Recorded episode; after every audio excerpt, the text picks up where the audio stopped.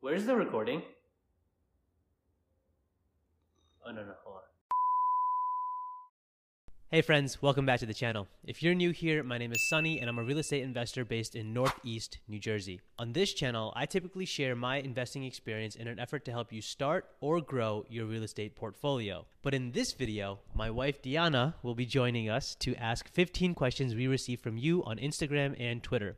These 15 questions span from our relationship to personal finance, health and fitness, and of course, real estate investing. In an effort to keep this video short, I'll try to keep each answer to 30 seconds or less. Before we get started, do you want to introduce yourself to the viewers? Sure.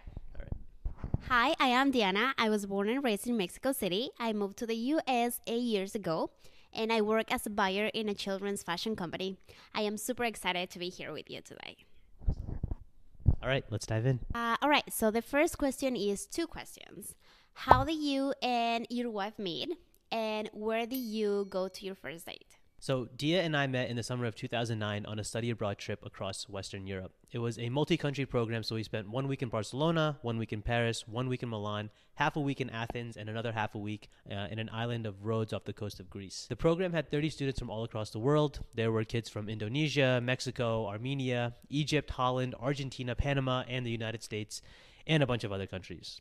My roommate on that trip went to the same university as Dia, so we found ourselves in the same subgroup of friends from the very beginning. And once that program ended, we stayed in touch. We did long distance relationship for a few years, and then ultimately we got married in 2015. And for our first official date, we skipped class to grab gyros at some hole in the wall restaurant in Athens. What's the biggest thing someone can do to improve their finances? I think the biggest thing someone can do to improve their finances is to pay themselves first by automating their investments. So here's what that looks like in practice for us. First, we max out Dia's 401k through her work. We never even see the money come into our account. It gets automatically deducted right out of our paycheck every two weeks. Then we also max out both of our Roth IRA and family HSA plan. On the first of every month, we send $500 to each Roth IRA and $600 to our family HSA. These investments get funded first no matter what. That way, we can spend whatever's left guilt free. And this wasn't always the case. When our incomes were lower, we couldn't afford to max out everything, but we still had our auto transfer set up. As our income grew, we avoided lifestyle creep by investing the difference. Once we hit the max on all of our accounts, we got a little more comfortable with spending on frivolous things. What advice would you give someone who wants to get into real estate? I think the simplest and safest way to start investing in real estate is by doing something called house hacking. We never did this and I really regret it. House hacking is when you buy a small multifamily home, live in one unit, and rent out the others. Ideally, you live for free while getting a taste of what it's like to be a landlord. The person you want to follow for that strategy is named Matt Porcaro of the 203K Way on Instagram. There are also two really good books on the topic. The first is Set for Life by Scott Trench and The House Hacking Strategy by Craig Curelop. Is real estate for everyone? Yes and no. There are so many different ways to get into real estate. You can buy a primary home, you can buy an investment property, you can become a realtor or a mortgage broker. You can flip a contract, you can flip a house, you can become a property manager or an appraiser. I think you have to find a strategy that speaks to you and then test it out. For example, Dia and I now own over $3.5 million worth of investment property, but we currently rent where we live. Investing in a primary home just isn't for us right now. We barely have enough time to clean our home or do our laundry. I can't imagine mowing lawns, shoveling snow, replacing burnt out light bulbs, and fixing leaky toilets. I also don't think most people understand the true cost of home ownership. Renting, especially in coastal markets, can be a better financial decision than owning. And that's not to say that we'll never own, but it's just not for us right now. Next question What does your diet look like? Whenever we eat at home, I try to eat the same thing for every single meal because I don't like to think about what I'm going to eat. At 7 a.m., I drink a fruit and protein smoothie. At 9 a.m., I eat a turkey, bacon, egg, and cheese burrito.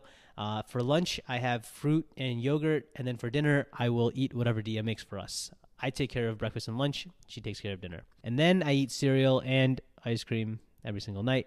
It's really bad, but we're not going to talk about that. I get I get my variety when we go out to eat. My favorite takeout food is Chick Fil A, Mexican, or sushi, but we can't eat sushi right now because Dia's pregnant. Um, surprise! What's your current fitness routine? I work out every weekday at 5:30 a.m. On Mondays and Tuesdays, I do regular weightlifting type stuff in the gym in our apartment building: bench press, deadlift, squat, curls, tricep extensions, that kind of stuff. For Wednesdays and Fridays, I go to CrossFit. And on Thursdays, I fast till 5 p.m., so I typically just sit on the rower or elliptical for 20 to 30 minutes. That's enough to wake me up, but not enough to make me crazy hungry. Does investing in property make it harder for first time home buyers? Well, it definitely did in our case. We own a bunch of rental properties, and although we make a decent income, our tax returns look really bad. Most retail lenders aren't willing to look past our tax returns, so it's difficult for us to get financing in our personal names. With that said, I think if you have a strong W 2 income and you're not a real estate professional, you should be in a better position than us because there's a limit to the passive losses that you can take. Do you think we'll see a change in the housing market in the next few years? I have no idea what's going to happen, but if I had to guess, I think home prices are going to continue to rise. That increase will mostly come in the lower price bracket. I expect sub 500k homes to increase the most. 500k to a million dollar homes will increase, but not as much, and anything over a million may or may not increase at all. One data point I can share that supports this is that the FHA increased their loan limits by 18% in 2022. That's the record for highest increase per year. What book are you reading currently, and what podcast are you currently listening to? Since we're getting close to the end of 2021, I'm rereading three classic books. The first is Awareness by Anthony DeMello, the second is Siddhartha by Hermann Hesse, and the third is Man's Search for Meaning by Viktor Frankl. I also recently flipped through Show Your Work by Austin Kleon because I needed some inspiration for the YouTube channel. And currently, my favorite podcasts to listen to are My First Million with Shaan Puri and Sam Parr and The Tim Ferriss Show. But when Dia and I are together in the car, we like to listen to Business Wars and I Will Teach You to Be Rich by Ramit Sethi because he helps couples work through their money problems. And we've only listened to a few episodes, but it's interesting to hear about people's relationship with money, especially when it's affecting their relationship with their spouse. What is your dream vacation? Now that I'm a dad, I think the dream vacation is to go to Disneyland or Disney World or go on a Disney cruise. I've never done anything Disney, and Luna loves Minnie and Mickey, so seeing her light up would probably be awesome for me too. I would prefer to go to the Disney in Florida because they have Harry Potter World, and I really want to try butterbeer. Who is your favorite mortgage broker of all time? Obviously, my cousin Mehul asked this question, and obviously the answer is my cousin Mehul. His email is mehul at bluerockmortgage.com, and there's actually a link in the description down below of all my videos. If you need to purchase or refinance a property held in LLC, he has the best loan product by far. Did you achieve your real estate goals for 2021? No, I did not. My goal for 2021 was to buy enough property to generate $1 million in rental income per year. And I think right now we're at like 200K. However, I feel like I succeeded despite my failure. I spent the year building out a process to market directly to distressed homeowners. And now that I have those systems in place, it's only a matter of time before I reach my goal.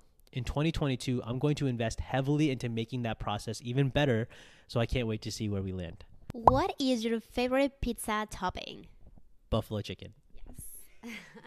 In terms of personal finance, how important is it to donate to a charity? Uh, I'm a firm believer that you have to give first in order to receive. But I'll also say that we only started to consistently donate to charity within the past five years, and we started for selfish reasons. Our niece Aria was diagnosed with a terminal illness, and our cousins started a foundation to find a cure. We support their organization to the best of our ability because it's about all we can do in an effort to keep Aria with us. I used to think I'll donate later when I'm old and rich, but I'm glad that I got over that hurdle because I'm certain that our desire to be charitable also encourages us to increase our income. It's a virtuous cycle. My suggestion would be to start small. Donate 1% of your income to a cause that really means something to you. And if you don't notice the money missing, move up to 2% of your income the following year. That value will come back around in one way or another. I hope you enjoyed watching this video as much as we enjoyed making it for you. If you want to watch a video of why banks won't lend to us in our personal name, watch this video here. Finally, I put out a new video like this every single week, so if you haven't already, please be sure to subscribe to the channel. I don't want you to miss the next one. All right. Peace.